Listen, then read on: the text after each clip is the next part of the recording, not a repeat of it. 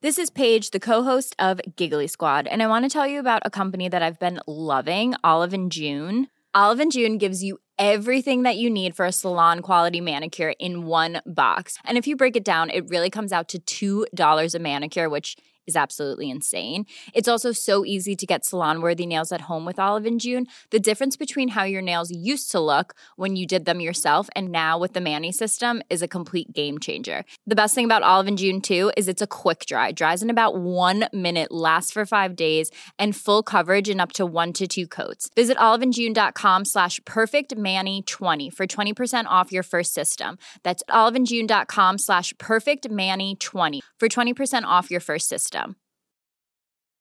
Burrow is a furniture company known for timeless design and thoughtful construction and free shipping, and that extends to their outdoor collection. Their outdoor furniture is built to withstand the elements, featuring rust-proof stainless steel hardware, weather-ready teak, and quick-dry foam cushions. For Memorial Day, get 15% off your Burrow purchase at burrow.com slash ACAST and up to 25% off outdoor. That's up to 25% off outdoor furniture at burrow.com slash ACAST. Quality sleep is essential. That's why the Sleep Number Smart Bed is designed for your ever evolving sleep needs. Need a bed that's firmer or softer on either side? Helps you sleep at a comfortable temperature? Sleep Number Smart Beds let you individualize your comfort so you sleep better together. JD Power ranks Sleep Number number 1 in customer satisfaction with mattresses purchased in-store. And now, save 50% on the Sleep Number limited edition Smart Bed for a limited time. For JD Power 2023 award information, visit jdpower.com/awards. Only at a Sleep Number store or sleepnumber.com. I'm Sandra, and I'm just the professional your small business was looking for. But you didn't hire me because you didn't use LinkedIn jobs. LinkedIn has professionals you can't find anywhere else, including those who aren't actively looking for a new job but might be open to the perfect role, like me. In a given month, over 70% of LinkedIn users don't visit other leading job sites. So if you're not looking on LinkedIn, you'll miss out on great candidates like Sandra. Start hiring professionals like a professional. Post your free job on linkedin.com/people slash people today. I'm amazed how many people own stocks. They, they would not be able to tell you why they own. They couldn't say in a minute or less why they own. Actually, you really pressed it down and say the reason I own this is the sucker's going up. There's enough cash in the financial system, and there's an infinite amount of cash at the Federal Reserve. An infinite amount Put of cash. that check in a money market mutual fund. Then we'll reinvest the earnings into foreign currency accounts with compounding interest, and it's gone. So they had to do something. All they had left was just to print money and start buying things. And that's what they did. Quick buck artists come and go with every bull market, but the steady players make it through the bear market. They say money can't buy happiness. Look at the fucking smile on my face. Hej och välkommen till ett nytt avsnitt av Market Makers. Hur är läget med dig Fabian? Jo, jo, solen skiner. Eh, 12 grader här borta. Mm, du var tvungen att nämna det förstås. Du har 12 grader och vi har 12 minus. Så kan det vara. Idag ska vi prata om ett annat land som har en helt annat väder än oss. Det var, kan det ha varit den sämsta segway jag gjort någon gång? Det var en riktigt dålig segway. Men nu blev det som det blev. Ni får leva med den övergången. Poängen är att vi ska prata om investeringar i framförallt Kina. Vi har med, nämligen med oss noteringsaktuella Nordic Asia Investment Group och deras vd-grundare Jining Wang. Om jag, nu, jag tror att jag slaktade det uttalet. Jag får be om ursäkt för det. Men det blir mycket snack om Kina, investeringar i Kina, vad som är deras edge där och eh, ja, framförallt går vi också igenom, de har en rätt intressant strategi där de har tre stycken stora ben. Det är 5G, handelsplattformar och lokala varumärken. Vi djupdyker lite i dem, varför de är intressanta och vilka bolag och topics de har. Och en litet tips jag vill skicka med som jag glömde ta upp i intervjun. Eh, det är att gå gärna in på nurkasiagroup.com oavsett om ni är intresserade av att investera eller inte. För inne på den sajten finns det en liten knapp där det står Insights och där kan man faktiskt läsa små korta write-ups eller analyser på flera av deras portföljbolag. Och det är faktiskt ett riktigt eh, intressant läsning om man själv vill leta lite case i Kina också. Ja, för det, det som är intressant här nu är att vi har ju pratat rätt mycket om kinesiska, kinesiska bolag, eh, framförallt Alibaba och Tencent och de större spelarna, men också många mindre. Men det som är intressant här nu med Nordic Asia, det är att de har väldigt många portföljsbolag som är relativt okända för oss västerländska investerare. Absolut. Men vi lämnar över till dem själva eh, och eh, som vanligt så vill vi ju säga att det inte är någon rådgivande rekommendation. Vi berättar om vår process, hur vi tänker, eller i det här fallet hur Nordic Asia tänker. Eh, men du måste alltid göra din egen analys och glöm aldrig att alla investeringar är förknippade med risk. Detta avsnitt är sponsrat av Fidelity International. Asien har ju länge varit ett fokusområde för Fidelity och man har därför en lång erfarenhet av förvaltning via sin lokala närvaro i bland världens två största länder och Asiens största marknader, Indien och Kina. Inte bara i länderna stora, utan här hittar man också några av världens största och snabbast växande bolag, vilket ger extremt intressanta möjligheter. Hela Fidelity Internationals utbud hittar ni på deras hemsida fidelity.se eller på någon av de stora plattformarna och försäkringsbolagen. Så gå in på din bank och leta upp någon av Fidelitys många fonder. Men kom ihåg att investeringar kan både öka och minska värde och det är viktigt att läsa prospekt samt KIID-dokumentet och investeringar på tillväxtmarknaden kan vara mer volatila än i mer utvecklade marknader. Stort tack till Fidelity! Då säger vi välkommen till podden. Vi har med oss vd och grundare för Nordic Asia Investment Group. Vill du berätta lite kort om dig själv och eh, Nordic Asia Investment Group för de som inte känner till er sedan tidigare? Så eh, först och främst eh, stort tack för att jag fick vara med. Det är, är väldigt kul. Ehm, så att jag heter Ina Wang då, och det är jag som är vd och grundare för Nordic Asia Investment Group. Jag kanske kan dra lite kort om min egen bakgrund så att alla får lära känna mig lite grann. Ehm, så att jag heter Ina Wang och är svensk-kines Eh, som bakgrund. Då. Så att, eh, kan man säga att det finns en del av oss som är svensk-kinesiska bakgrunder nu som startar sina egna bolag. Eh, och grunden då är ju så att, att jag kom till Sverige när jag var sju. Och min pappa är en väldigt duktig doktorand så att han var bland de som verkligen fick förmånen att studera utomlands när man började revolutionera landet. Så att han var väldigt duktig på engelska och väldigt duktig matematiker. Då.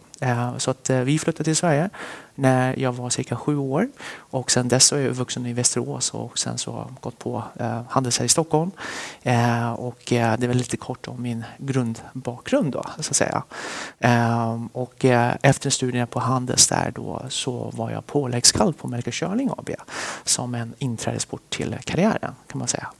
Ehm, och eh, ja, det var ju ehm, eh, verkligen en fantastisk lärarskola och plantskola att eh, vid en tidig ålder då, kunna få jobba väldigt nära Melker och under den perioden så var ju Melker väldigt frisk och aktiv.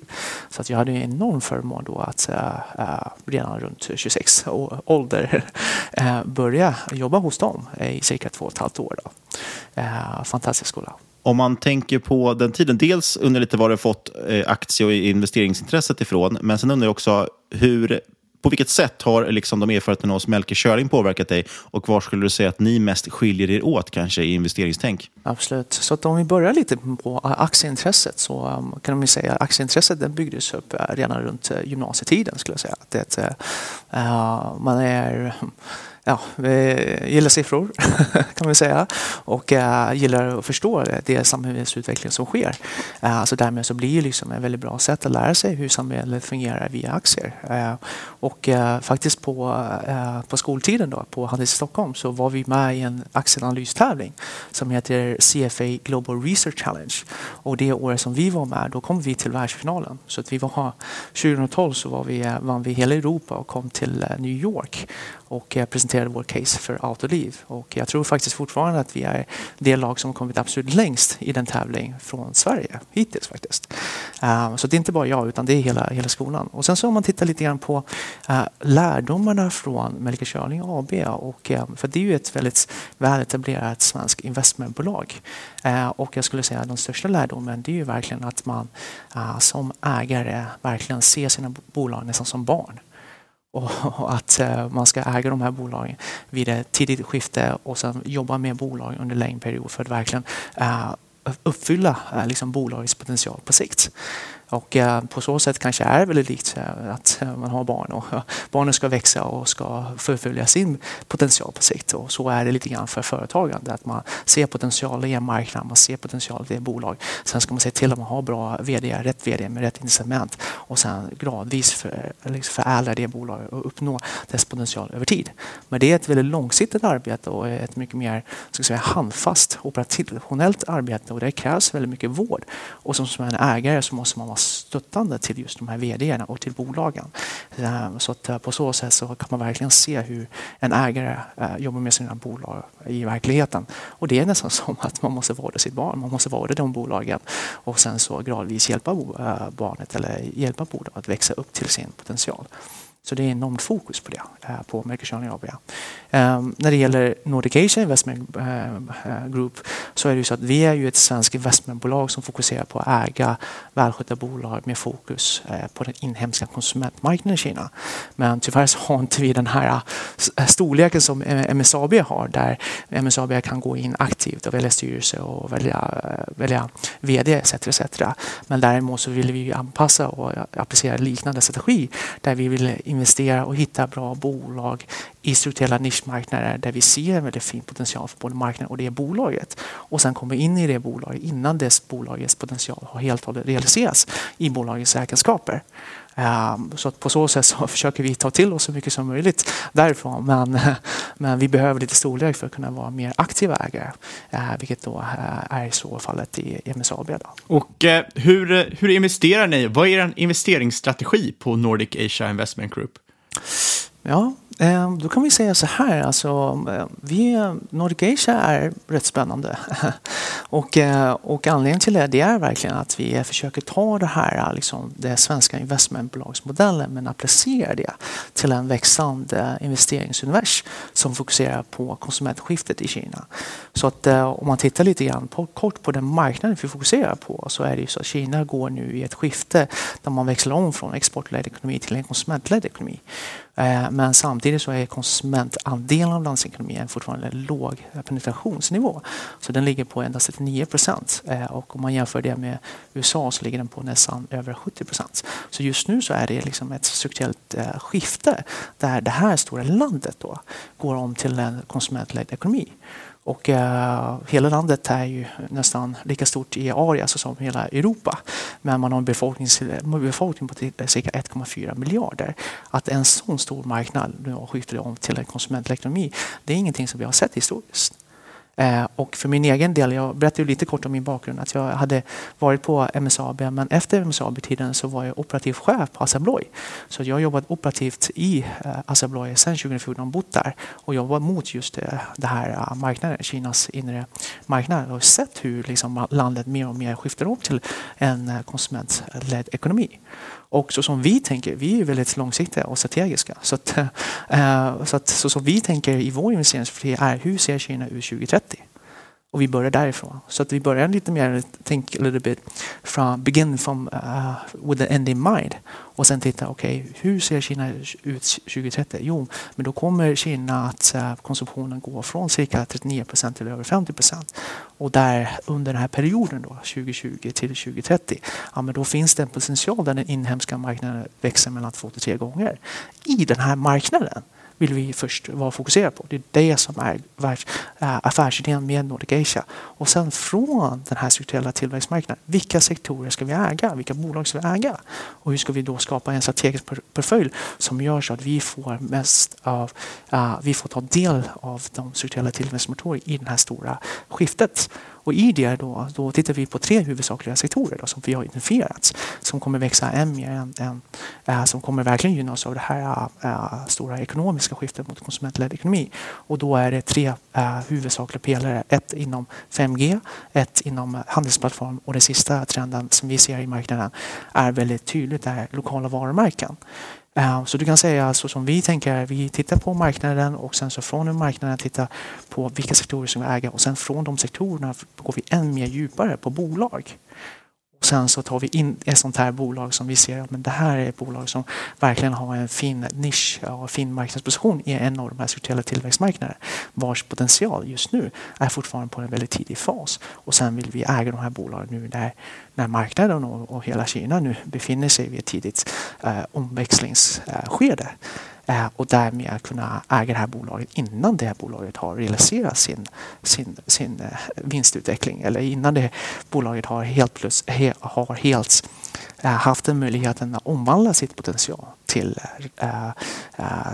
sin PNL. Så det är lite så vi tänker. Ja, och vi ska gå igenom de här tre benen sen och, och kolla också lite på vad era top picks är inom dem. Men jag tänker vi kan stanna en liten sekund kring eh, makro, om man ska säga, eller prata mer om Kina i stort, Asien i stort. Eh, och jag tänkte dels på varför just väldigt mycket fokus på Kina eh, och inte resten av Asien. Är det framförallt för att ni har kopplingen dit eller finns det några andra skäl att ni gillar Kina väldigt mycket?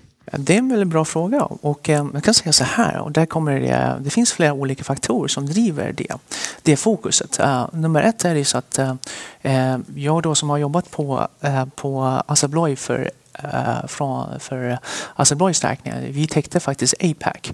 Så att för min egen del så var jag och, och reste rätt mycket i de här socialtjänstländerna. Till exempel Singapore, Thailand, Filippinerna, Filippinerna och eh, Malaysia en hel del. Och det är ju nämligen så att Kina det är en enhetlig marknad. Så att eh, skillnaden gentemot resterande delar av Asien det är ju olika kulturer, olika språk, olika delar av lagstiftningen och olika delar av utvecklingen. Så utvecklingen skiljer sig väldigt mycket till exempel om man tittar på Singapore gentemot Filippinerna och sen än mer mot Indonesien. Medan Kina det är ett enhetlig marknad. Så att bara Kina som, som sådan kan man nästan likna som Europa. Eh, det finns 31 provinser i Kina. och eh, varje, varje provins är nästan lika stort som, jag menar Sichuan-provinsen där jag är ifrån är lika stor som hela Sverige. Men fördelen med Kina det är att det är en skalbar marknad, det är ett språk, det är ett system. Eh, och eh, därmed så blir det här en enhetlig marknad, lite som EU Eh, inre marknad som där, eh, där tullar och fritt flöde av människor och varor i den här marknaden. Och den här marknaden ska man säga också befinner sig i ett lite annorlunda skede. Eh, det är fortfarande man ska säga, ett utvecklingsland samtidigt som delar av Kina har blivit väldigt utvecklade i dagsläget. Men potentialen för hela landet att bli lite mer som Shanghai och Shenzhen, det är det som är riktigt spännande. Och där så har man kommit ändå rätt långt för att bygga en bra infrastruktur för att de andra länderna, de andra städerna inom min, eh, mera inre delar av Kina har den BNP-tillväxten också. Eh, så vi kan säga så att vi, eh, vi tycker de andra Sydostasiens länderna de är intressanta men det är lite för spritt. Och nummer två är det att det här skiftet som vi ser den är än mer tydligare just nu för Kina gentemot de andra, andra länderna som befinner sig i lite olika delar av sin utvecklingsfas. Då. Hur, eh, hur ser ni på politiska risker i, eh, i Kina och framförallt relaterat till de bolagen ni äger? Vad, vad är till exempel risken att ni kan se större bakslag i bolagen? Jag såg till exempel nu i helgen att Tencent inte får rulla ut nya appar i Kina. Eh, hur tar ni hänsyn till det när ni investerar? Det är ju rätt eh, intressant jag tänker på det här äh, sägningen man brukar säga om nothing changes sentiment like price. Det säga att så fort någonting går ner i pris så brukar folk helt plötsligt bli negativa. Det har vi sett till exempel Evolution Gaming på Stockholmsbörsen nu. Nu är helt plötsligt avskyr alla det bolaget. Eh, och det upplever jag lite med Kina. Vi har ju täckt, eller täckt, men pratat om Kina under ganska många år. Det är alla år vi har haft podden. Eh, och eh, för ett, två år sedan så kändes det som att alla var extremt positiva. Så fort man pratade om Kina tyckte de det var superhäftigt. Och nu senaste året, bara för att vissa, typ Alibaba och de här har gått ner ganska kraftigt, så helt plötsligt tycker folk inte om Kina längre eh, som investering. Och det svänger ju väldigt fort där. Liksom. Och, och, vad ser ni de för riskerna och ser ni möjligheter då kanske snarare just nu när det har blivit lite billigare? Ja, ja, men det är en jättebra fråga. Och vi kanske kan börja med liksom tackla det här liksom lite mer äh, överhängande regulatoriska delen och sen så kan vi titta och, och prata lite mer på pris och sentiment och, och äh, liksom värdering när det just gäller den här äh, politiska risken. Um, så, så här är det. Liksom, som jag, jag, nämnde lite grann så är Kina liksom ett utveckling och utveckland samtidigt. Och delar av landet har blivit väldigt uh, moget. Men sen är det många delar av landet som inte har kommit på samma mognadsnivå så som vi har det här i väst. Så att på min tid på Assa så hade vi eh, till exempel krav på att höja produktstandarder. Så att i Sverige och, och, i USA så har vi så EN och ANSI-standarder för dörrlås. Medan i Kina så har man GB-standarder men de standarder var inte lika hög, höga krav på produktsäkerheten som man hade i väst. Och därmed så kom det en reglering kring att man måste då öka just de här produktsäkerhetskraven eh, för just den, den nischen. Och egentligen så under en period så ser vi att det kommer att fortsätta finnas eh, olika typer av punktinsatser skulle jag kalla det på de områden som Kina fortfarande laggar västvärlden när det gäller liksom hur eh, produktsäkerhet, konsumentsäkerhet, anställningstrygghet och även mer jämvis, jäm, äh, rättvisa marknadsvillkor för att motverka karteller, prisbildningar och även oligopol i vissa områden. Eh, så där tror jag att Kina kommer vara fortsatt väldigt eh, proaktiv och det gynnar ju egentligen den underliggande konsumenten för att eh, får vi bättre produktsäkerhet, får man bättre anställningstrygghet, får man bättre sociala försäkringar så lägger det för en grund för att Kina ska bli ett konsumentsamhälle. Och vi ska komma ihåg också att Kina har en av världens högsta sparkvoter av privat konsumtion. Och mycket av det handlar om att Kina har legat efter väldigt mycket när det gäller sociala försäkringar på husvård och, och så vidare. Och och, sen är det än mer viktigare kanske för uh, investerare i den inhemska kine, eh, uh, kinesiska marknaden att förstå policy. Det vill säga vilka delar som policy kommer att ge stöd till och vilka delar som policymakarna eh, har sagt att men de här områdena kommer vi via att sakta ner de här områdena kommer vi behöva uh, säkerställa, liksom behöver vi täppa till de gråzoner som finns. Så till exempel ett policystöd som är väldigt kraftigt är ju egentligen konsumtionen. För att uh, det är ju verkligen det som ska driva landets tillväxt framöver. Och eh, om man inte får till den inhemska konsumtionen, då kommer inte eh, GDP att kunna växa så som vi har det nu. Och man har ju ett målsättning att Kina ska, måste mer eller mindre växa mellan 56 procent fram till 2035 och 2050. Eh, så därmed så kommer man fortsätta ge väldigt mycket policystöd till konsumtionssektorn och även till solceller eller liksom ny energisektorn Så man är väldigt proaktiv där. Men sen finns det ju också andra delar där man har vuxit lite för snabbt där det har skapats uh, stora eh, risker i, i, systemet. Och där är en del är fastighetsmarknaden då som under efter finanskrisen fick en, en extrem boom. Eh, och man använde väldigt mycket infrastrukturinvesteringar för att bygga landet. Men där blev det ju såklart att man byggde väldigt mycket. Och därmed så skapade det ju liksom en, en, en, en, um, en, en hög prissättning för fastigheter och även en hel del spekulation då i, i den marknaden. Så där avser man ju såklart att minska skuldkvoten, minska spekulationen i fastighetsmarknaden. Och sen så lite grann så som vi har sett nu på senare tid just på de här internetbolagen som har då fått eh, de här antimonopolregleringar. Och det är ju klart att eh, några av de här internetbolagen de har ju blivit lite för stora och speciellt i Alibabas fall så kom ju egentligen en reglering på Alibaba redan förra året. Eh, och där var det nämligen så att Alibaba har haft det lite kämpigt för att Alibaba var den marknadsledande aktören på e-handel. Men sen kom ett par andra eh, aktörer och det är speciellt ett bolag som heter JD.com och ett annat bolag som heter Pinduoduo. Och Pinduoduo tog väldigt mycket marknadsandelar från, eh, från Alibaba på low-end-segmentet. Och då hade Alibaba en sån här klausul där de sa att eh, du som är handlare, du får bara välja en plattform att sälja dina produkter på. Om du väljer en annan plattform så stycker vi trafiken för dig. Så då betyder det liksom lite grann att om jag vore Nike eller H&M eh, då fick jag bara ha butik på Alibaba. Om jag skulle sätta upp en butik någon annanstans på Amazon till exempel. Ja, men då skulle Alibaba strypa min trafik och det är ju ett väldigt tydligt överträdelse av sin marknadsdominans. Uh, så det är ju den lagstiftningen som Alibaba som har, har, har eh, Alibaba fått en fine på och, uh, och därmed så har vi också sett att många fler handelsplattformar såsom JD, Pinduoduo och även Tencent i det här fallet har vuxit än mer snabbare än, än Alibaba på kort tid. Um, så jag skulle säga att det är Eh, det är, man måste bara förstå policy och man måste bara vara väldigt pragmatiska i den marknaden. Och sen även om det skulle vara så att det kommer en policy på Alibabas räkning, då måste man ju också räkna på det för att se liksom fundamentalt hur mycket påverkar det här? Hur mycket kommer tillväxttakten att gå ner? Och finns det några andra vinnare i den här sektorn som kan, man kan få en mer exponering till? Um, så det är lite så på, den, på den frågan. Och, och man ska komma också ihåg att eh, kinesiska investerare, alltså hela Asia Ventures, det ägs ju av 96 procent av inhemska investerare. Och, eh, så att eh, alla investerare har ju som sagt eh, investerat i olika verksamheter och skulle det vara så att det kommer en ny reglering inom en sektor, ja, men då måste investeraren vara beredd på det. Men som sagt, lokala investerare har en väldigt stor allokering till den här sektorn och vi som har team på plats och min partner som jobbat där över tio år, liksom, det här är lite mer som vardag. inte, inte någonting som är, är liksom helt... Eh, men, men det är klart att det är lite mer unikt för den marknaden. Det måste jag absolut hålla med och det, Då gäller det verkligen att förstå, läsa på och läsa de inhemska nyheterna. För där brukar de, man, man ge väldigt mycket tips om vilka delar som kommer regleras och vilka delar som det sker en samhällsdebatt kring. Eh, och så, som kan då trigga en eventuell reglering inom en sektor. Då.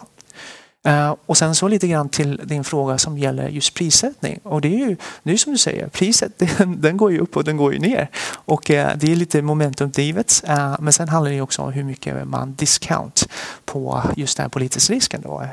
Så att under sommaren så såg vi ju att den här discounten på några av internetbolagen var ju väldigt hög. Men då får man ju fråga sig, var det, är det välbefordrat? Eller var den discounten alldeles för hög som då skapar en, en, en alldeles för hög riskpremie? Eh, gentemot kanske några år tidigare. Då, eh, att kanske riskpremien var alldeles för låg. Men det är en bedömning. Då. Det är en bedömning från investerare vilken eh, diskonteringsränta man vill, vill sätta på de här olika faktorerna. Många i väst är ju kritiska till hur många av de här eh, kinesiska bolagen sköter sin redovisning. Alibaba är väl, en, väl ett av de liksom, främsta exemplen. Eh, framförallt som de vägrar blir granskade av västerländska revisionsbyråer men samtidigt är noterade på amerikanska börsen. Det snackas ju mycket om att till exempel Alibaba bokför eh, uppvärdering av investeringar som intäkter till exempel och inte helt klint med västerländska mått. Är det här någonting ni tar hänsyn till i er analys? Är det någonting ni håller med om överhuvudtaget? Eller hur ser ni på kinesiska revisionsregler? Ja, alltså om man ska borra i det här lite i grunden så det, det som är viktigt att förstå det ju, handlar om vilka redovisningsprinciper man tillämpar. Och uh, i, för lokala bolag i Kina så använder man China General Accepted eh, Accounting Standard, kallas CAS. Och uh, i det fallet så är det faktiskt, den är relativt likt i IFRS. den stora skillnaden det är främst, främst på liksom hur man värderar anläggningstillgångar. Där i IFRS så har man lite mer liksom, man kan ha bedömt bedömningar. Man kan uppvärdera anläggningstillgångar medan eh, i KAS då, då är det liksom anskaffningsvärde som gäller. Så man får inte uppvärdera liksom till historiska tillgångar för anskaffnings Eh, man måste värdera alla eh, sina tillgångar baserat på anskaffningskostnaden, det vill säga historisk data. Eh, och sen så i övrigt på uh, kinesiska redovisningen gentemot västerländska den, den är faktiskt rätt, relativt lik. Uh, eh, och man betalar skatt varje månad i Kina gentemot här kanske en gång i kvartalet.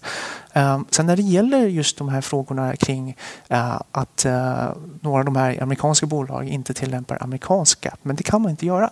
För att eh, majoriteten av av sin intjäning är i Kina och det är i Kina man betalar skatt. Så då måste man ju tillämpa CAS på den redovisningen. Sen så Ja, sen så är det klart att man kan ju ha synpunkter nu om, om, om investerare har synpunkter på hur Alibaba redovisar, liksom, eh, omvärderar sina tillgångar till Gap eller eh, hur de konsoliderar några av sina företag eh, som de har förvärvat. De har ju förvärvat, eh, eh det senaste bolaget är ju eh, Retail Sun Art och eh, man har gjort en hel del investeringar. Eh, men det är klart att det är synpunkter på hur, hur som en investerare kan ha. Då. Men generellt för vår del så, så är inte det som jag tror är, är vår koncern när det gäller Alibabas fall. Utan vår koncern när det gäller Alibabas fall det är att det finns ett tak på tillväxten. Och taket på tillväxten i Alibabas fall, de har ju mer än 900 miljoner aktiva användare just nu. Och nu blir marknaden för e-handel mycket mer konkurrensutsatt.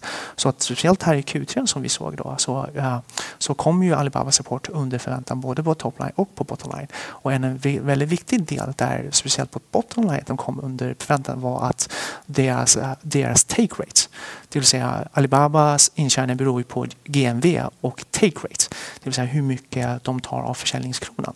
Den gick ner för första gången. Uh, så som vi har sett. Då. Så historiskt sett så har den här take rate alltid ökat. Men just i det här kvalet så gick den där take rate ner. Och anledningen till att den gick ner är för att det har blivit mycket mer konkurrensutsatt. Nu finns det andra plattformar där, där det är mer kostnadseffektivt för att öppna butiker och som inte tar lika mycket i take rate eller lika mycket i reklamavgifter. Och i Tencents fall, de har ju byggt upp ett ekosystem av miniprogram som eh, just nu är gratis för många säljare. Så därmed så måste eh, Alibaba lite mer sänka sina priser för att behålla sin kund. Eh, så det är lite där som jag skulle säga för vår del som vi tittar på i Alibabas fall att, att det, är, det är just konkurrensen i den inhemska marknaden som oroar oss och att det kanske kan ta en eller två kvartal till innan de börjar stabilisera sin liksom, eh, take rate eh, för att då liksom få till en någorlunda stabilisering i marginalen. För att om man fortsätter sjunka den här commission rate då, då, då kommer vi fortfarande se en, en, en, en liksom, eh, press på marginalerna vilket då har påverkat liksom, aktiekursen. Så i vårt fall, det här på, när vi pratar e-commerce här, vi föredrar mycket, mycket mer id.com. Ingen snack om saken.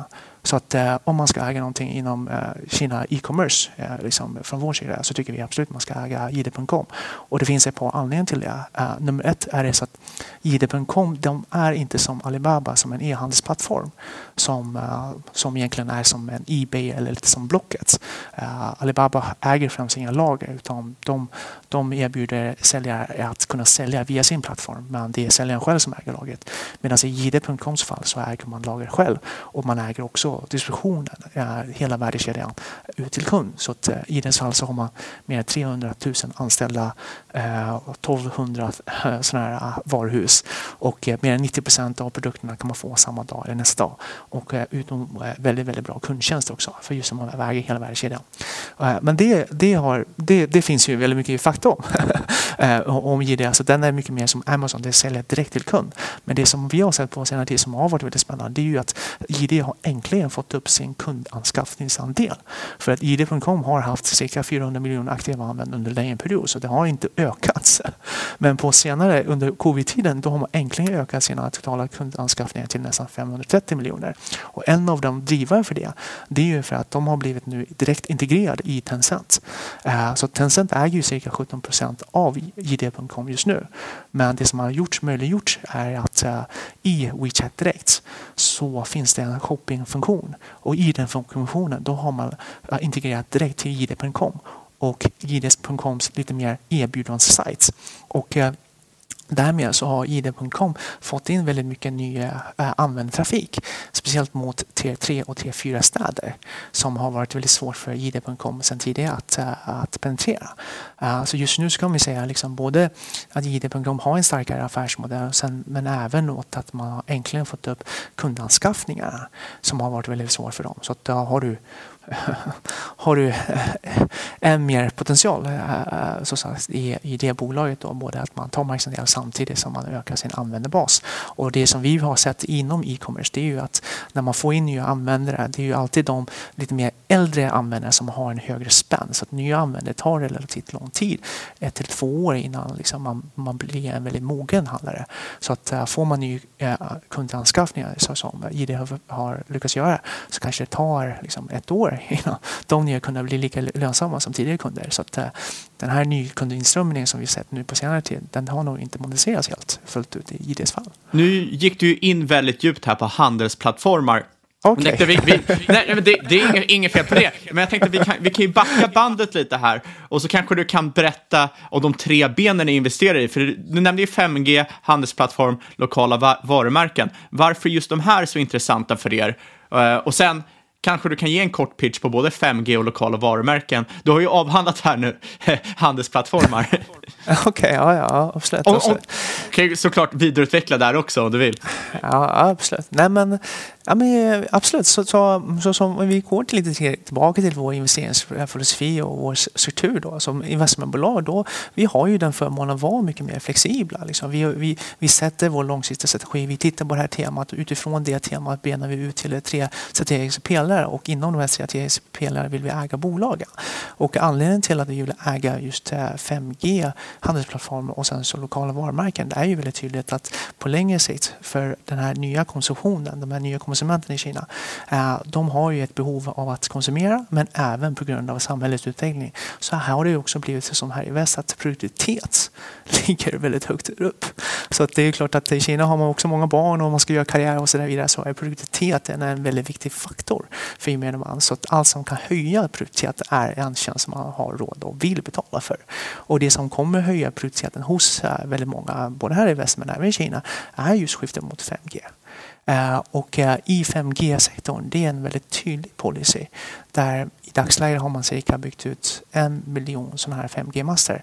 Men tanken är att på eh, längre sikt ska man täcka mer än 90 procent av Kina med 5G-täckning eh, och då ska man utöka antalet 5G-master från en miljon till 15 miljoner.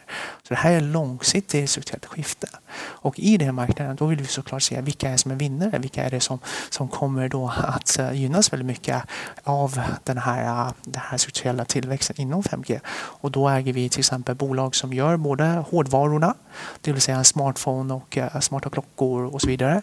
Eh, men även mycket av de underleverantörer till den här kedjan, värdekedjan. För där kan det bli än mer spännande. Så i det sektorn så äger vi ett bolag som gör 5G-antennerna som heter Sunway Communications. Eh, och eh, då är det så att för varje 5G-telefon som säljs så behöver man starkare signalstyrka.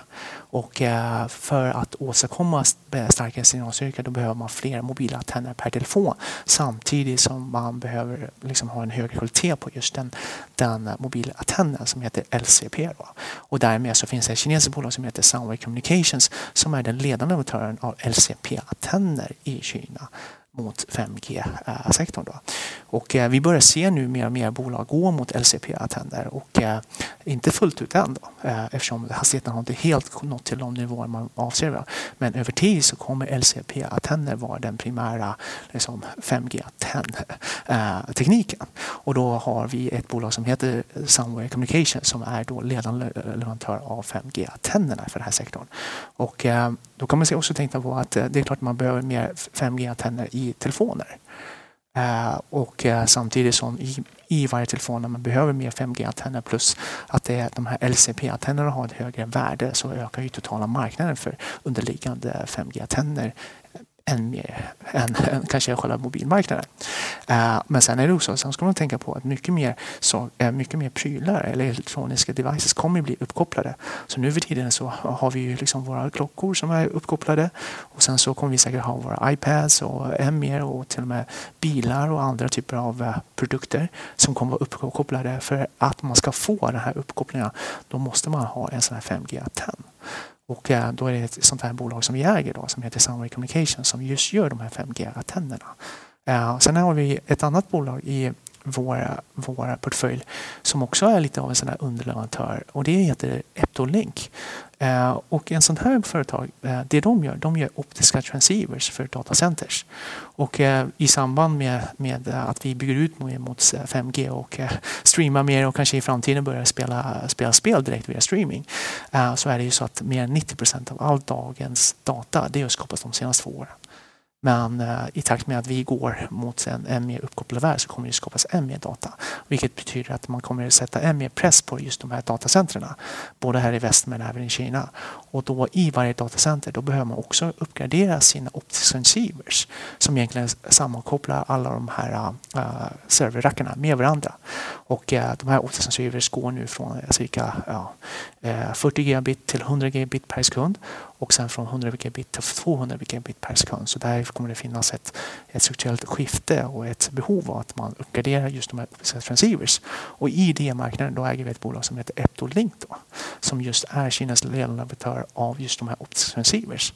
Och ett bolag som växer nästan 70 procent, tjänar 25 procent marginal som vi har i på vårt portfölj. Och, eh, Ja, så det är lite, lite, lite eh, ett par exempel på några bolag som vi har i 5G. Men, men jag skulle säga så här, just för att Kina har kommit så pass långt i, i, i 5G-utvecklingen eh, redan nu då och än mer många av de här underleverantörer som tidigare har varit underleverantörer till Apple och, och Samsung. Så där. Vi ser mer och mer de här lokala teknikbolagen tar allt mer marknadsandelar också. Så att eh, över tid i takt med att man skapar några stora bolag eh, och starka varumärken så finns det en hel Eh, sektor av underleverantörer som man kanske på ett sätt underskattar och de här underleverantörerna de tar mer marknadsandelar. Det är lite som lokala varumärken. Vi ser mer och mer lokala varumärken ta marknadsandelar från utländska varumärken. Så ser vi också lokala liksom, teknikbolag ta mer marknadsandelar från, specifikt från japanska och eh, koreanska konkurrenter. Då. Just för den skalfördel som finns i Kina och den starka, stora inhemska marknaden. Men också uh, av just den uh, kostnadseffektiviteten som finns i, i några av de kinesiska teknikbolagen nu. Ehm, så det, det, det är faktiskt eh, rätt intressant. Och, eh, eh, och, det finns många fler bolag, så vi har inte alla de, de finaste bolagen än tycker vi. Utan det finns ett par andra bolag som vi har i kikaren också. Ehm, och där tror jag att det kommer finnas flera spännande teknikbolag som föds ur den här 5G-sektorn. Och vi äger några nu och, och givetvis så försöker vi genomtränga den marknaden ännu mer för att äga lite fler över tid. Och när det kommer till lokala varumärken, Absolut. Ehm, så att, ehm, det, det, här är ju någonting som vi har sett och följt under en längre period. Att, uh, vi ser uh, mer och mer där lokala varumärken, historiskt sett så har de endast haft en kostnadsfördel. Men nu för tiden är de väldigt bra på produktkvalitet och varumärkesuppbyggnad och speciellt bygga ut liksom, nya försäljningskanaler. Uh, och eh, ja, jag har ju också varit under den tid som jag jobbat på Asa vi har ändå sett liksom hur, hur duktiga och snabba de här lokala entreprenörerna är. Så att när de lanserar en ny lås eller en ny digital dörrlås så går det väldigt, väldigt snabbt. eh, givetvis är vi väldigt duktiga på Assa, så att, eh, men, men vi kan verkligen se att liksom, kvaliteten och uh, verkligen deras uh, snabbhet det, det, det, är, uh, det är imponerande. Och det samma gäller då för lokala varumärken. Och, i många sektorer, om man tittar på sport, om man tittar på bilmärken etc. så har historiskt sett man haft kanske lite av en, eh, ska säga, man har, man, man skepticism till lokala varumärken. Men nu för tiden finns det mer trend där man ser att lokala varumärken blir allt bättre i kvalitet. Men samtidigt som har en kostnadsfördel. Så nu har, har liksom sentimentet svängt till att okej, okay, varför ska man köpa ett utländskt varumärke som kostar dubbelt så mycket men, inte, som, men egentligen har samma kvalitet eller samma, samma produkt eh, liksom, eh, performance. Um, så att inom lokala varumärken så äger vi ett par bolag. Vi äger liksom, uh, bilvarumärken, uh, vi äger finansiella tjänster, vi äger, uh, vi äger uh, skoterbolag och vi äger också ett sportbolag då, Eh, som eh, heter Entasport. Och jag tror att Entasport är nog ett av de liksom, en mer tydliga exempel där ett lokalt varumärke nu börjar verkligen ta upp kampen mot Nike och Adidas. Så att eh, i Kinas sportmarknad så är de stora spelarna, det är fortfarande Nike och Adidas. De har nästan mer än 20 procent av marknaden var. Så de har lyckats extremt bra i Kina hittills. Men nu börjar Anta Sport segla upp sig som nummer tre i marknaden. Har nästan 15 procent marknadsandel. Och eh, det som gör Entasport lite mer intressant är ju att eh, de har sitt huvudsakliga varumärke som heter Entasport som är lite mer massmarknadsvarumärke. Men sen har de också köpt eh, rättigheterna för att distribuera Fila i Kina. Och Fila positioneras de lite mer som Adidas, lite mer urban, trendig, lite mer dyrare produktsegment. Och eh, utöver det så har det här bolaget också förvärvat Amer Sports i Finland. Så att de äger, eh, äger just nu egentligen eh, Peak Performance, Salmon, Wilson etc. Och nu kommer ju vinter-OS väldigt kort i Kina här redan 4 februari. så att då, har, då är det samma strategi som det här bolaget kommer göra med Fila, det vill säga att penetrera vintersportsegmentet med några av de etablerade varumärken samtidigt som man expanderar sitt huvudsakliga varumärke Antasport för att täcka den breda medelklassen. Ehm, och eh, det vi kan också se mycket när det gäller de här lokala varumärken det är ju att sådana här lokala varumärken de är väldigt snabba på nya kanaler.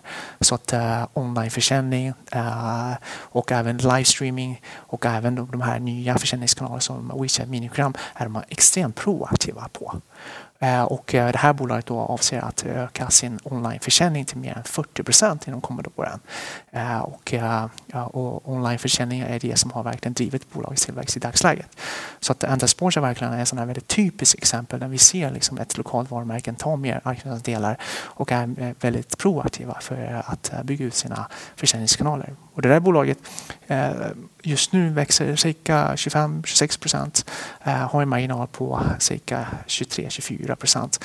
Men avsikten är att man ska göra en transformation av sina offline-butiker så att man ska eh, äga eller driva de butikerna än mer själva. Och på så sätt ska man öka produktiviteten i offline-kanaler med nästan 40 procent. Så det där är ett eh, rätt fint bolag eh, som jag tror man ska ha lite utsikt till när det gäller just lokala varumärken som ett exempel. Hur eh, ser ni någon risk i att vara ett svenskt investmentbolag som investerar i kinesiska bolag? Allmänt så har inte kinesiska staten varit särskilt välvillig mot utländska investerare och utländskt ägande av kinesiska bolag. Eh, jag, jag, jag, skulle faktiskt säga tvärtom.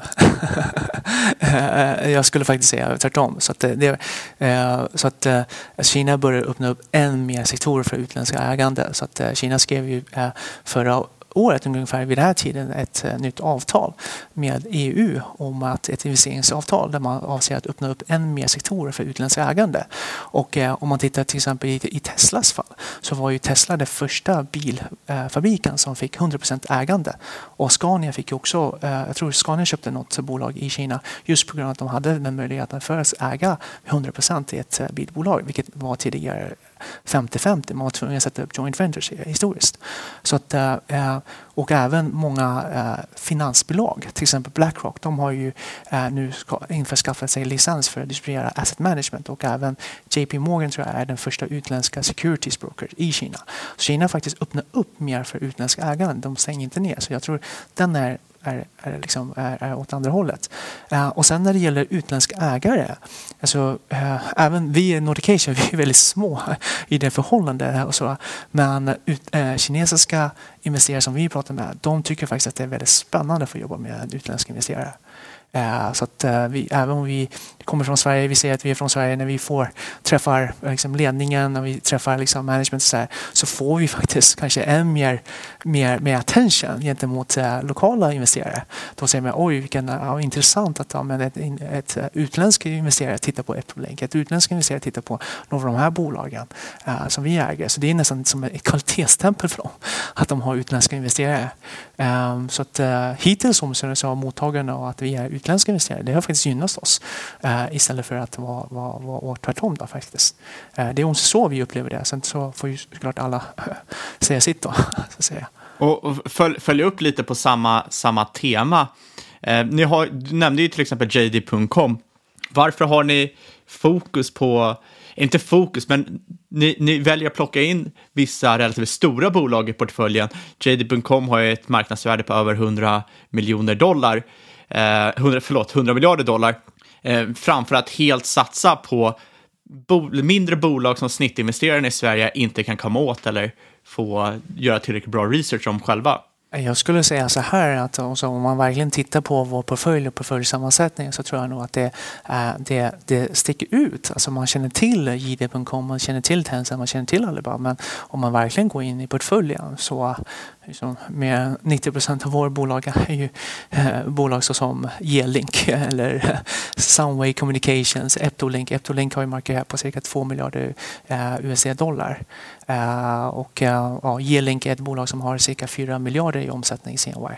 Det kan man inte säga som ett stort bolag utan eh, jag tror att det är för att man känner till kanske några av de stora bolagen men man känner inte till mycket av de här lite mindre bolagen. Luxshare Precision eller Jiangxi Opie etc. etc. Så att om man verkligen djupdyker i, i, i, våra bolag och kollar på vår portfölj så är det en blandning. Det är klart att vi, vi är ju lite mer strategiska. Vi, vi förstår ju liksom när det gäller konsumtion i Kina, man kan ju inte undvika att inte äga någon stor handelsplattform.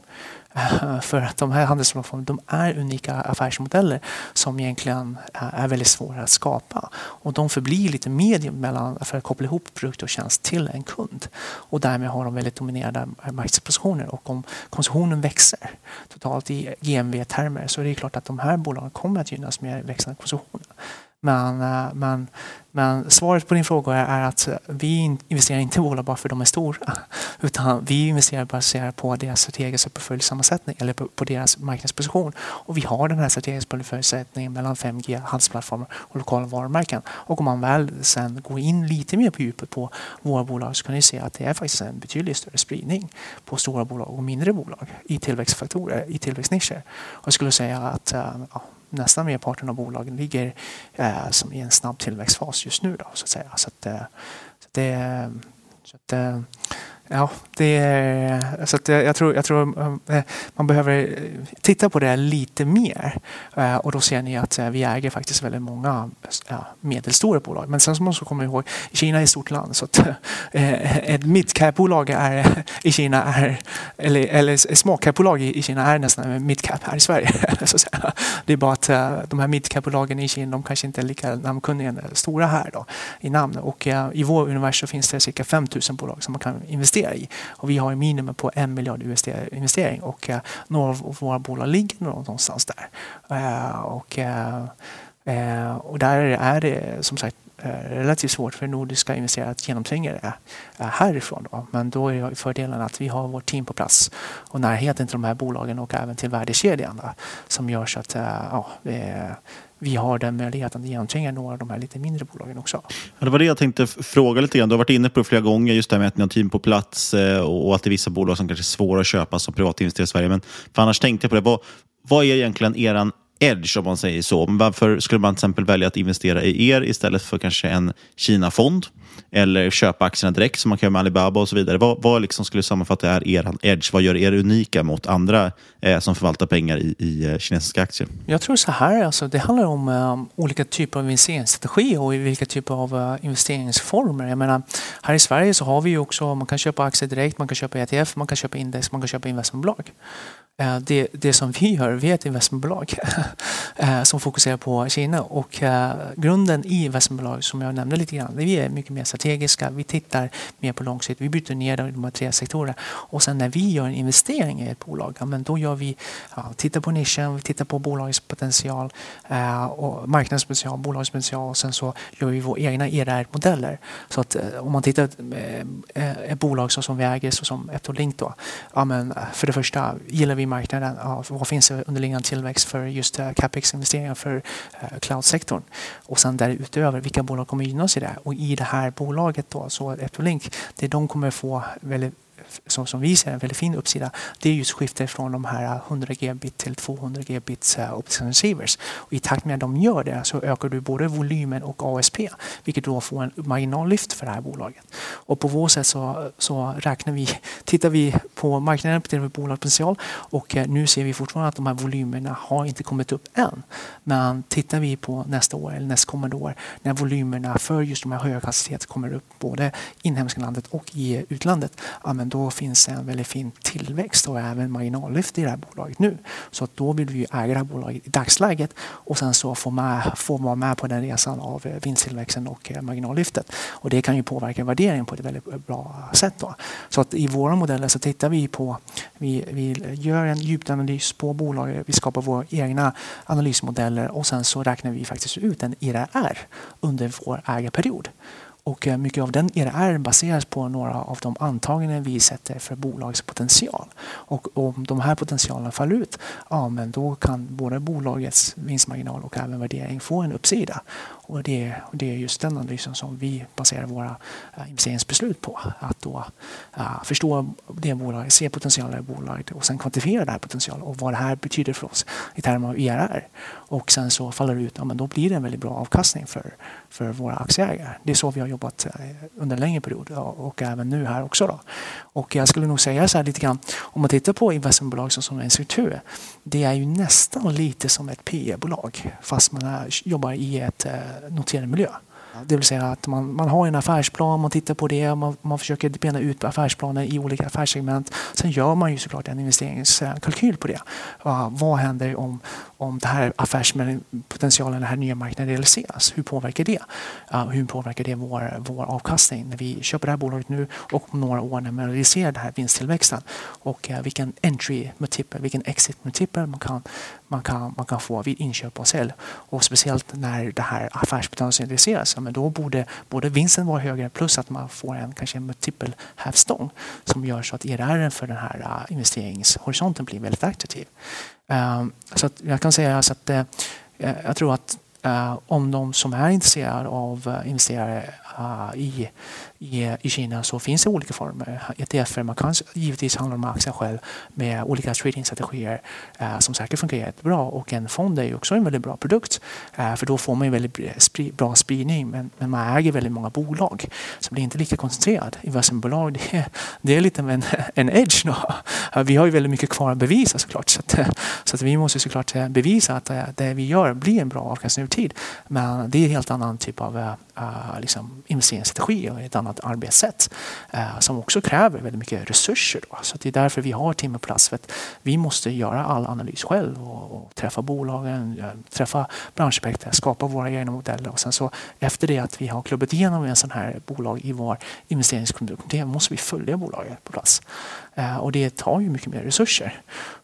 men, men förhoppningsvis så leder det till en bra avkastning över tid. Så det, får vi, eh, det är det vi fokuserar på. Det är den affärsidéstrategin och, och affärsidén som vi med våra aktier har fastställt för att driva den här verksamheten som jag har fått den, den äran att eh, driva då och verkställa som vd för Nordic Asia Investment Group. Normalt sett när vi pratar om Kina så brukar elefanten i rummet vara kinesiska staten. Eh, det har vi avhandlat lite grann. Vi har avhandlat det också i tidigare poddar och pratat om riskerna. Men med Nordic Asia känns det som att elefanten vattenrummet snarare det här med avgifter och lite sådana saker. Det måste vi ta upp. Vi fick jättemycket frågor på det.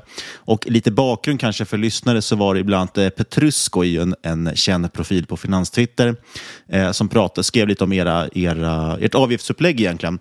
Kan inte du gå igenom det, hur det ser ut och vad, vilken kritik ni har fått och hur ni svarar på den så att vi försöker få en, en helhetsbild, en lite mer, lite mer nyanserad bild än vad man får i en tweet? Ja, för grejen är väl att investmentbolag i Sverige är en väldigt stor grej och de kännetecknas ju av att ha väldigt låga avgifter.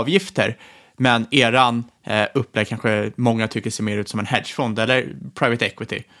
Ja, absolut. Och eh, låt mig gå igenom det på, liksom, eh, i detalj och förklara det väldigt tydligt hur, eh, hur den är uppbyggd och varför den finns och, och hur den fungerar.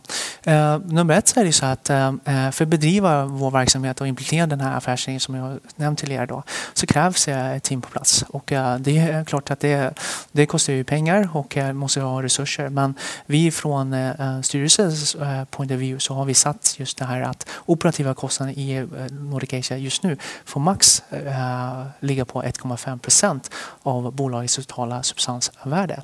Och äh, i takt med att när vi var relativt små så fick vi ta faktiskt väldigt mycket kostnader själv.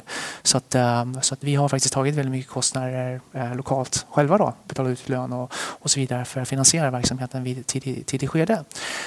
och sen så i takt med att när vi då nu kommer till börsen och när vi växer vårt totala substansvärde då kommer faktiskt den här operativa kostnaden som är andel av substansvärdet, den kommer ju gå ner eh, gradvis. Så att, ehm, och det handlar ju om att eh, vi har, eh, vår styrelse fastställer vår budget för att bedriva vår verksamhet och när vi växer vår volym då, då, då går ju den här procentandelen ner.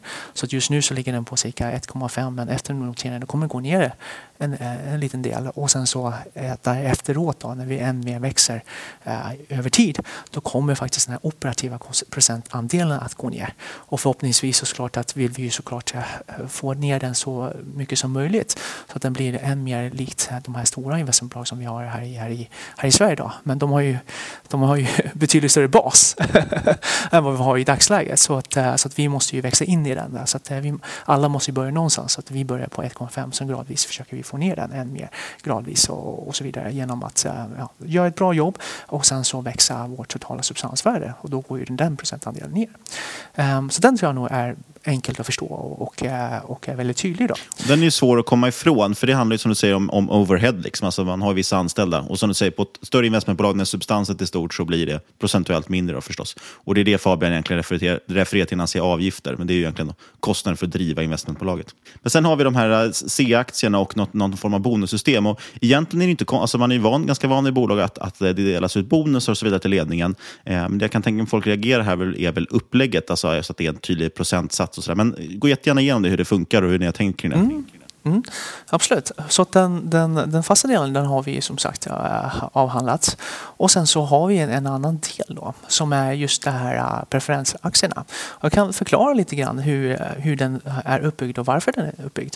För att så som vi har det i Nordic Asia Investment Group och andra bolag som vi och våra aktieägare som jobbar så är det väldigt fokus på prestation. Alltså det, det, det, är ju prestation och det är sista raden som driver eh, liksom, det som utvecklingen för bolaget. Och det är väldigt viktigt att eh, både jag och eh, vårt team eh, liksom levererar eh, på sista raden. Och, eh, och även att eh, det är ett mål och ett krav som vi sätter oss för oss själva men även som våra aktieägare sätter för oss. Och eh, för att då säkerställa att vi som anställda verkligen jobbar mot sista raden så har vi en struktur där eh, ledningen tillsammans med anställda, vi tillsammans äger ett holdingbolag. Och det här holdingbolaget i sin tur äger de här preferensaktierna i underliggande investmentbolaget.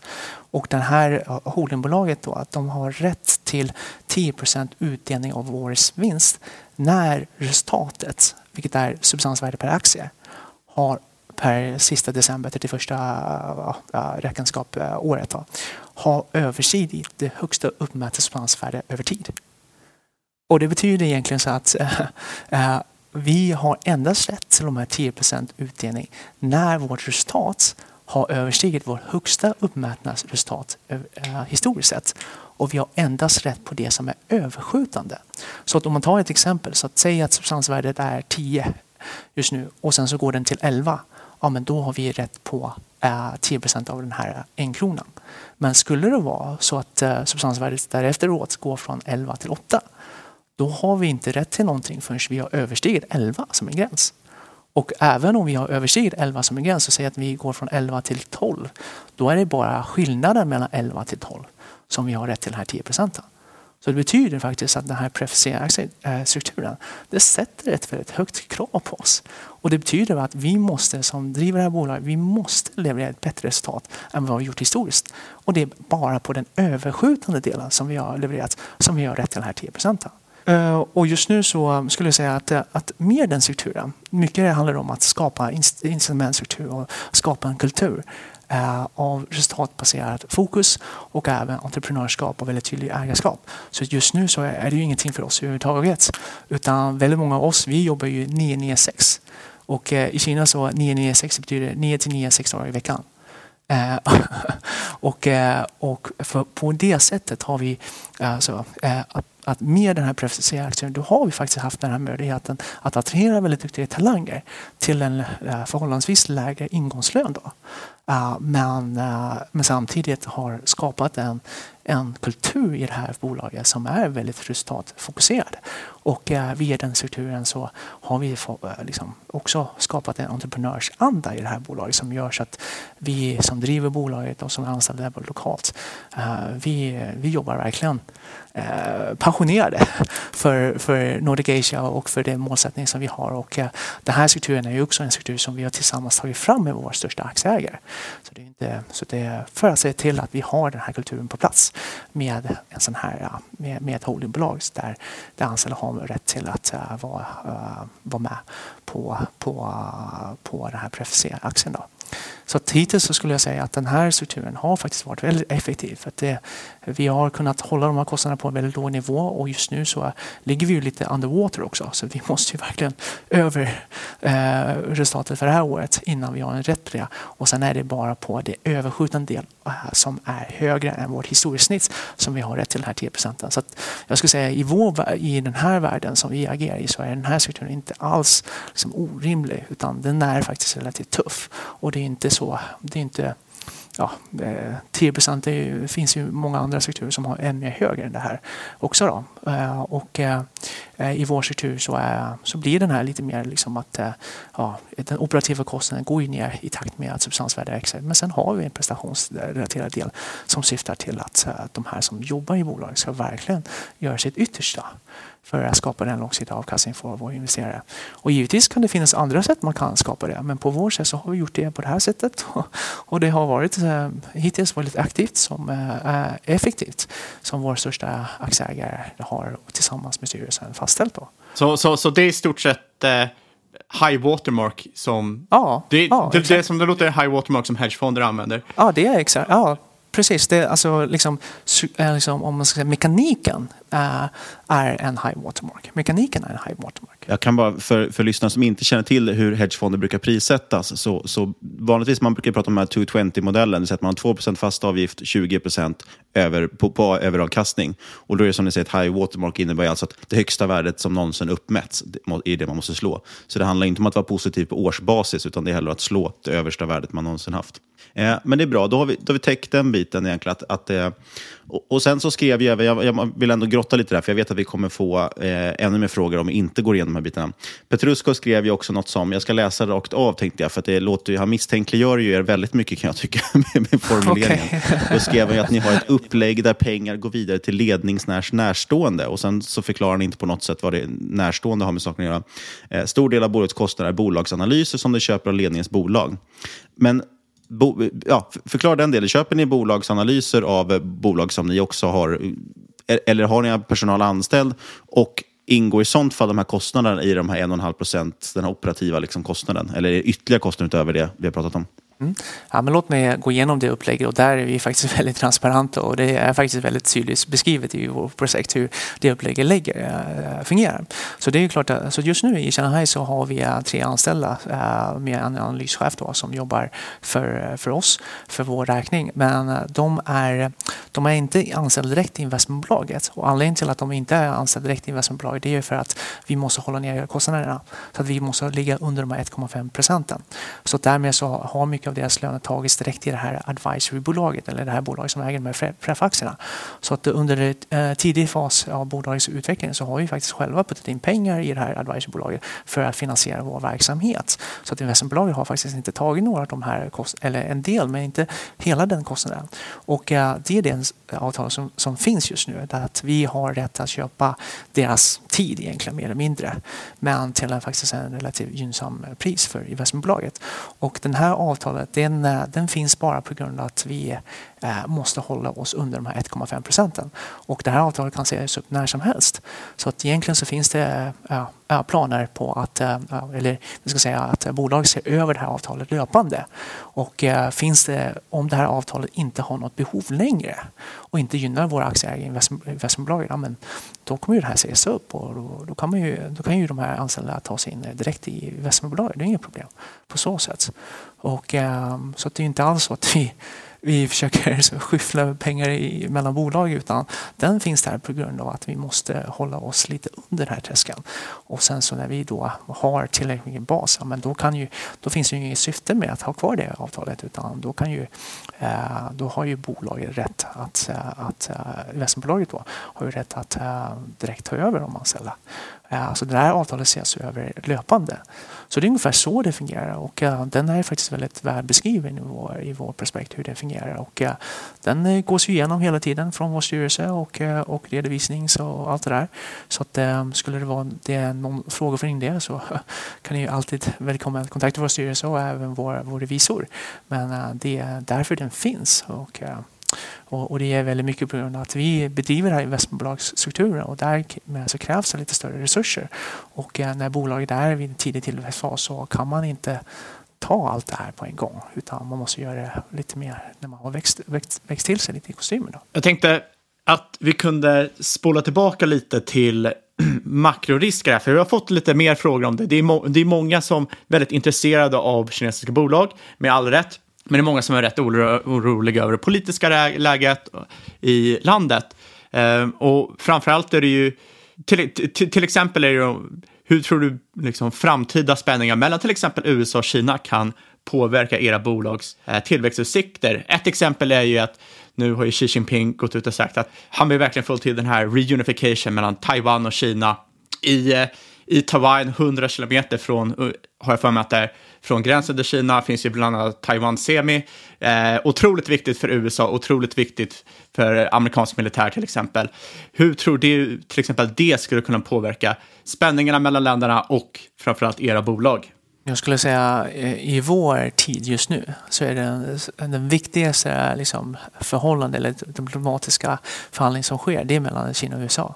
Eh, och det handlar inte bara om våra investeringar och våra bolag utan det är liksom lite mer makroekonomiskt totalt då, och hur man ser på världen för det är verkligen två stormakter och eh, det är också väldigt tydligt att Kina kommer att gå över eh, USA som världens största marknad eh, inom de kommande åren. Så att, eh, om vi sitter här och har några fler barn så kommer nog det ha redan skett faktiskt. så det är på god väg och det är klart att det kommer skapa, det har ju redan skapats en del spänningar.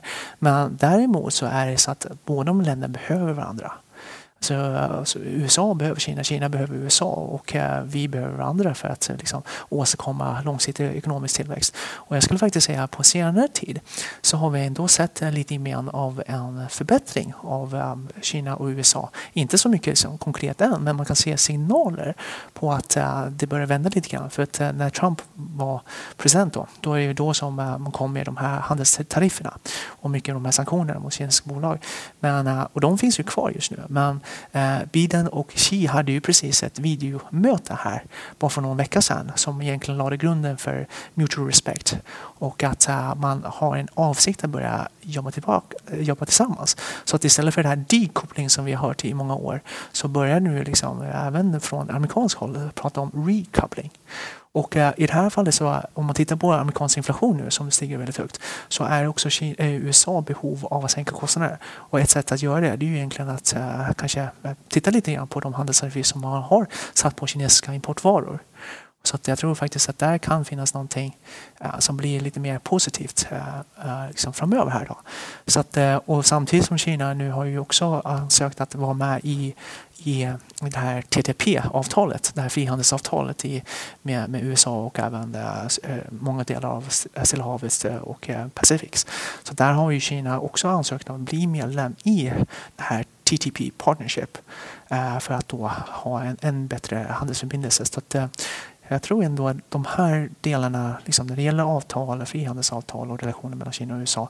Um, det är klart det finns mycket kvar att göra. Vi har fortfarande kvar de här handelstarifferna just nu.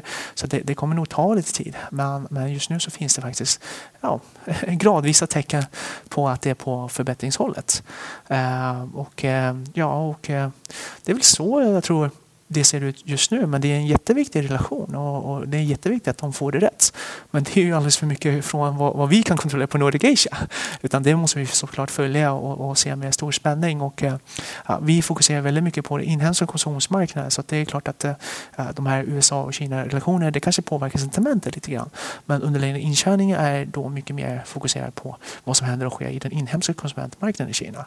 Um, så att på så sätt skulle jag säga att den risken skulle vara större ifall vi skulle äga en större andel exportbolag. Men i vårt fall så äger vi mycket mer liksom, inhemska konsumentbolag och, som fokuserar på, på den inhemska konsumentmarknaden. Men uh, givetvis är det en väldigt viktig liksom, affärsrelation eller liksom, relation. Men, uh, men uh, ja, vi, vi, vi, ser ändå att det finns lite signaler på att det blir förbättrat. Sen får man ju se såklart hur, hur utfallet blir. Då. Men, eh, men, eh, men jag tror rent ehm, ekonomiskt och strategiskt så, så, är det alldeles för stora kostnader för båda länderna att egentligen liksom, att frigöra sig från varandra och att båda de här länderna behöver varandra mycket, mycket mer. Väldigt mycket amerikanska företag och, och vill ju få, access till Kinas inre marknad. Det blir ju EU också. Så där, finns, där har ju Kina också eh, liksom en, en ska säga, men eh, SE-armen, just den inhemska marknaden, den är ju väldigt attraktiv för oss eh, utländska investerare och även företagare. Och där kan man ju såklart med olika medel se till att man får access till det, givet att, eh, att man får bättre relationer. Så det är lite av, ett, av, av en diskussion eller förhandling. Men, men, men man har både väldigt mycket att vinna och väldigt mycket att förlora. Så att, jag hoppas verkligen att de här stora herrarna gör sitt för, för det som är bäst för, för ekonomin och, och inte bara för, för, för landets egna bästa utan det påverkar ju väldigt mycket här i Sverige också. Hur de här liksom, handelstarifferna och relationen mellan USA och Kina går påverkar ju, ju oss också väldigt mycket. Så att, får vi verkligen hoppas att de gör rätt för sig. Över tid. Vi ska börja runda av här. Jag tänkte avsluta med eh, en fråga som vi ställer alla våra gäster och det är vad är din bästa respektive sämsta investering och vad har de lärt dig? En av mina bättre affärer var verkligen jd.com. Eh, men, eh, men då skulle man säga lite grann att det är ju som, det är när vi kom, börjar med lite grann här i, i början av podden. Alltså när, när FER är mycket, då är diskonteringsräntan väldigt hög. Så att, eh, för ett par år sedan så var faktiskt ID värderat till nästan 20 USD-dollar per aktie. Nu är den på lite mer än 80 då. Men äh, en dålig investering, absolut, det har man ju såklart gjort. Och äh, den sämsta investeringen som man har gjort här då, det är ett, faktiskt ett svenskt företag som heter Medica Natomin. Det gick äh, inte bra. Men det var lite av ett förhoppningsbolag för de fick en väldigt stor order i Kina för en av deras krämer. Eh, men den orden, den marknadstillväxten fanns inte kunde inte eh, liksom, fortsättas. Så att uh, man fick en väldig order men man fick till, inte till den försäljningen och jag tror att det bolaget behövde verkligen en person på plats som kunde hantera just de här distributörerna in mot den inhemska marknaden. Så det fanns en väldigt stor uppsida för just att uh, den krämen blev väldigt uh, hett Eh, i, i, i Kina på kort tid. Och vi såg till och med väldigt många turister som flög till Sverige bara för att köpa just de här krämerna. Men tyvärr så levde inte den här krämen till sina förväntningar. Så det var liksom en, en dålig affär. Men den var, den skulle jag säga, den är ju lite bolag så det var ju lite mer av en, ja, eh, en, en, en, en, en mer kortsiktig affär skulle man säga. Då. Men, eh, så det, det handlar om så lärdomar från de här två. Det är ju liksom, eh, ja, från JDs sida eh, när, när marknaden är fearful ska man vara greedy. och det andra är att man kanske inte ska vara för greedy. Superstort tack för att du har gästat oss. Eh, avslutningsvis innan vi säger hej då så tänkte jag bara att du kunde snabbt få berätta lite om eh, ja, handelsperiod, eller vad säger jag, teckningsperiod och lite så när ni börjar handlas på börsen och så, där, så att man har koll på och vart man kan kolla upp mer och mer om man vill läsa prospektet och så. Ja, ja men, eh, stort tack eh, för det. Så att vi eh, är öppen just nu för vår teckningsperiod för IPO och den stänger faktiskt redan på måndag den 6 december. Och sen så förväntar vi att första handelsdagen går igång redan den 16 december. och det är ett stort kliv för oss. första kliv såklart på börsen och givetvis vi ser ett väldigt stort intresse. sen är det ju många som har frågor kring oss. Vi är nya på stan och, och, och så vidare och har mycket att bevisa oss. Men vi ser verkligen en funktion att där många är väldigt intresserade och vi har väldigt starka investerare bakom oss som förstår just eh, växande konsumtionsmarknader om man saknar exponering. Så vi försöker verkligen fylla det det, det är behovet då, och det, den, den, den, just den segmentet. Då, och eh, med det här svenska investmentbolagsstrukturen. Och, eh, jag har ju så då sedan tidigare varit eh, aktiv på Mercosur AB på det svenska investmentbolag så det är därför som hela den här affärsidén kom till. Då. Så jag tror verkligen, jag tror verkligen hårt på uh, vår den här struktur och det vi gör. Och förhoppningsvis kan det vara ett bra sätt att kapitalisera på den växande konsumtionsmarknaden. Ehm, om man vill läsa lite mer om oss så finns vi på vår hemsida såklart, nordicasiagroup.com. och eh, även på Nordnet eh, så, så, och Avanza kan man ju teckna sig direkt där också. Där finns ju all mer information på vår spekt och så vidare.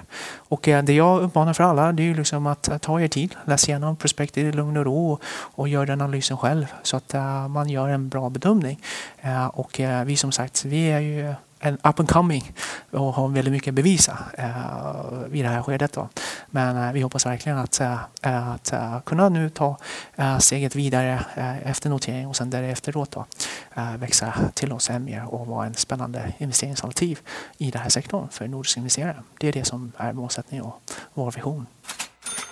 Inget du hört i den här podcasten ska ses som rådgivning. Alla åsikter, våra egna LVS och eventuella sponsorer tar inget ansvar för det som sägs i podden. Tänk på att alla investeringar är förknippade med risk och sker under eget ansvar. Och vi vill som vanligt rikta ett stort tack till vår sponsor Fidelity International. Kolla in hela deras utbud på deras hemsida fidelity.se eller hos din nätmäklare. Kontakta oss gärna på podcast at marketmakers.se eller på Twitter at marketmakerspod. Lämna gärna en recension på iTunes så att vi stiger i rankingen. Och sist men absolut inte minst, stort tack kära lyssnare för att du har lyssnat. Vi hörs igen om en vecka.